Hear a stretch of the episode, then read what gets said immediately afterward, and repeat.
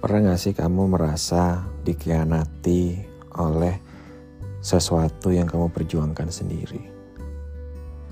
Saya pernah sih dan waktu itu merasa betul-betul seperti down dan merasa sia-sia aja apa yang kita perjuangkan ini. Yuk bersama saya Dimas P. Muharam di Perantau Ilmu. Assalamualaikum warahmatullahi wabarakatuh. Hello bright people.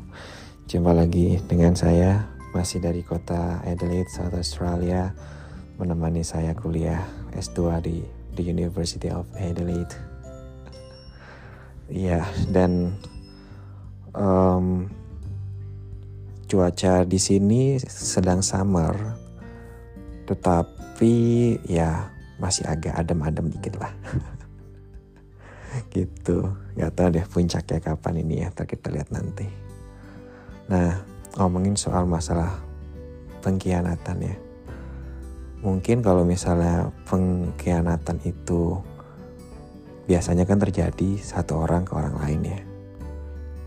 Itu biasalah gitu. Misalnya ada dulu ada judul film tuh zaman Orde Baru pengkhianatan G30S PKI ada belakangnya gitu Lalu misalnya apalagi yang pengkhianatan Ken Arok terhadap Tunggul Ametung misalnya, ya kan.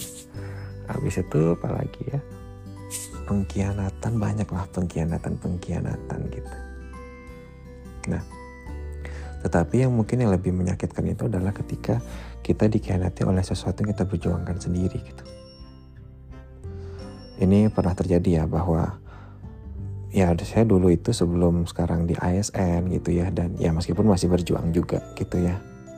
Masih berjuang juga masih punya idealisme juga dan masih tetap ketika sudah ASN ya kita contribute something for uh, disabled community. Tetapi pernah pada dulu itu pada satu titik ketika ya yang kita lakukan itu kan di komunitas di organisasi kan adalah hmm, bagaimana melakukan aksi-aksi untuk bisa memberdayakan teman-teman penyandang disabilitas. Penyandang disabilitas itu ya bagaimana agar bisa bekerja, bisa belajar dengan mandiri, bisa menggunakan teknologi. Kita bikin pelatihan-pelatihan, bikin sharing-sharing uh, tutorial gitu ya. Untuk biar teman-teman disabilitas khususnya tunanetra itu uh, bisa mendapatkan penghidupan yang lebih layak lah. Meskipun mungkin secara tidak langsung tapi at least secara tidak langsung gitu. Dan pada saat itu juga masih pada idealisme bahwa oh setiap orang itu bisa berubah. Setiap orang itu bisa berubah, setiap orang itu bisa berhak untuk kehidupan yang lebih baik. Setiap orang itu berhak untuk mendapatkan sesuatu yang lebih baik.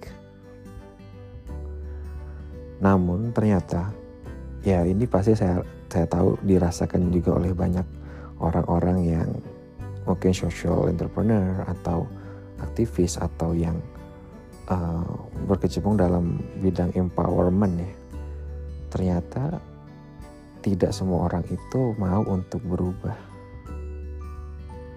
Saya membuat tiga kategori setelah banyak ya nggak banyak sedikit lah perjalanan saya di dunia aktivisme ya. Dunia pemberdayaan juga uh, community development bahwa ada tiga tipe orang, tiga tipe orang di dalam masyarakat yang bisa kita empower. Yang pertama itu ini yang paling gampang. Itu adalah orang yang memang niat bahkan mencari cara bagaimana caranya dia bisa empowered. Bisa mendapatkan kehidupan yang lebih baik, bisa mendapatkan skill yang lebih baik gitu. Dan orang ini yang paling gampang karena ya kita tidak perlu ajak-ajak. Dia bahkan ketika ada informasi langsung datengin kita dan langsung ikut gitu ya. Nah yang tipe kedua itu adalah yang sebetulnya um, punya niat atau paling tidak punya keinginan untuk bisa mengubah cuman dia nggak tahu gimana caranya. Dan masih ragu-ragu Nah orang ini yang perlu sedikit effort. Effortnya apa ya tadi dengan diajak, dipersuasi, dikasih contoh. Biasanya itu kalau teman-teman disabilitas itu dikasih contoh ada role model. Harus ada yang sudah berhasil dulu nih gitu kan. Ada yang sudah berhasil, sudah sukses. Nanti biasanya akan gampang yang lain buat ngikut. Karena kan mereka sebenarnya punya niat untuk ini teman untuk untuk sukses atau untuk bisa berdaya tetapi belum tahu caranya dan ini yang perlu di um, perlu di ibaratnya perlu diantisipasi lah. Perlu dikasih pelatihan dan lain-lain bimbingan. Dan ini nih perlu effort cuman tidak tidak melelahkan. Bahkan menyenangkan. Salah satu kebahagiaan bagi seorang inventor atau seseorang yang punya keinginan untuk kontribut berkontribusi untuk masyarakat itu adalah ketika mengetahui bahwa apa yang kita lakukan itu meskipun kecil tapi ternyata ada manfaatnya buat orang lain dan orang lain itu merasa mendapatkan manfaatnya. Itu itu sesuatu yang jauh lebih berharga ketimbang uang gitu ya. Itu senangnya minta ampun. Karena ya apa yang kita lakukan itu diapresiasi gitu kan. Diapresiasi mendapatkan uh, recognition pengakuan gitu. Meskipun itu tidak kita minta tetapi ternyata kalau kita dapat itu itu senang banget gitu ya. Nah yang terakhir ini adalah orang yang memang tidak mau berubah dan lebih parahnya lagi dia bahkan malah sinis atau malah men men mencibir atau meng, apa ibaratnya ya menyangsikan apa yang coba ditawarkan oleh orang lain itu. Nah tipe yang ketiga ini ya akan sangat melelahkan kalau misalnya tetap kita berusaha untuk mengempower atau mengajak mereka ke arah lebih baik gitu. Dan memang pada faktanya realitas sosial itu seperti itu. Ya kita tahulah dari miliaran manusia ini berapa persen sih yang bisa sukses. Dan piramida pendidikan pasti begitu kan. Yang di kelas atas sedikit kelas menengah yang paling banyak di kelas bawah yang penting selama di kelas bawah itu bukan karena diskriminasi sistemik, bukan karena kemiskinan sistemik yang karena sistem, tetapi karena memang ya dia memang tidak mau gitu ya, itu ada gitu loh. Dan orang yang ketiga ini ya jangan dijadikan prioritas karena akan sulit sekali. Karena memang dari dalam dirinya memang tidak mau berubah. Dan inilah pada pada faktanya yang realitanya gitu loh, bahwa realitanya memang kesuksesan itu tidak jadi milik semua orang. Hanya buat untuk mereka yang mau mencarinya saja. Buat mereka yang bahkan menjauhi atau bahkan menegasi gitu kan, ya itu akan sulit sekali. Hal lainnya lagi yang membuat saya tuh merasa dikhianati adalah ketika pada waktu itu yang masih berpikir idealis ya bahwa ya tadi setiap orang itu bisa berubah penyandang disabilitas itu punya hak yang sama dengan masyarakat yang lain untuk di empower, diberdayakan. Tetapi ternyata ada oknum-oknum.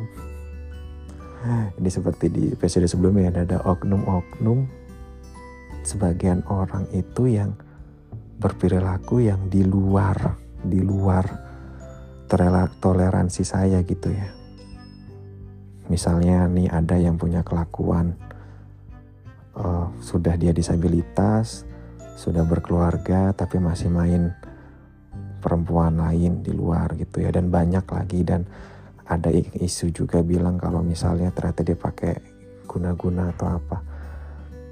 Dan itu ternyata memang fakta dan dan akhirnya saya kembali ke bumi lagi tadi.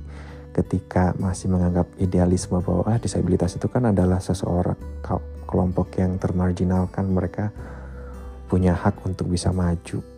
Dan mereka harusnya bisa jadi lebih baik tetapi pada faktanya realitas masyarakat realitas sosialnya adalah memang banyak orang-orang yang tidak pantas untuk mendapatkan pertolongan atau mendapatkan bantuan gitu. Karena karena dia tidak menghargai diri mereka sendiri. Mereka tidak tidak berusaha untuk ya tadi ya pada pada pada pada, pada akhirnya kembali ke realitas di bawah memang tidak, semua orang tidak sama gitu ya. Yang salah akhirnya jadinya kita karena kita berpandangan sempit kita berpandangan bahwa oh disabilitas berarti semuanya orangnya baik mau berubah mau maju. Ternyata tidak. Ada yang memang ya memang mereka itulah hidup jalan hidup mereka gitu ya. Kalau orang pikir kan mungkin ya kalau udah hidupnya susah disabilitas masih main main hal-hal yang asusila misalnya bahkan dengan hal-hal yang tidak sepantasnya itu kan ah, masuk akal gitu masih bagi masyarakat umum. Tapi ada faktanya itu ada. Dan itu yang pada saat itu saya merasa kayak semacam dikhianati oleh apa yang kita berjuang. Kita memperjuangkan kelompok ini ya teman-teman kita juga tetapi ternyata ada orang-orang yang tidak pantas untuk mendapatkan apa yang kita perjuangkan itu dan ya saya tidak saya yang tidak membenci orang ya tetapi membenci apa yang dilakukan gitu.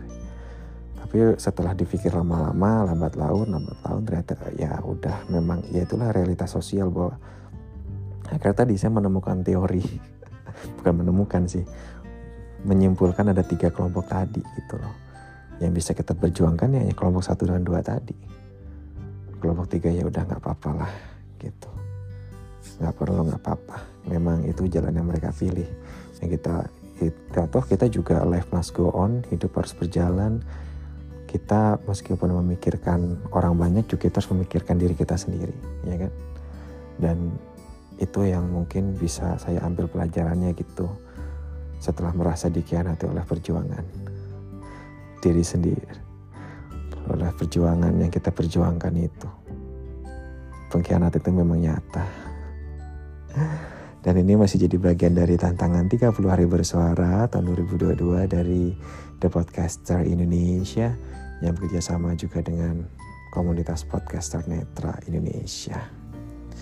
Dan kalau misalnya kamu saat ini mendengarkan dari Spotify, Apple Podcast, Google Podcast, atau Anchor, atau platform lain kesayangan kamu, jangan lupa untuk klik subscribe dan juga aktifkan notifikasinya agar kamu mendapatkan update dari konten terbaru di podcast Perantau Ilmu.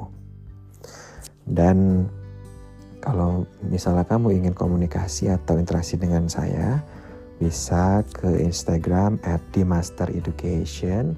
atau bisa email juga ke me ma at dimasmuharam.com itu Bright People Dimas is signing out. Thank you and see ya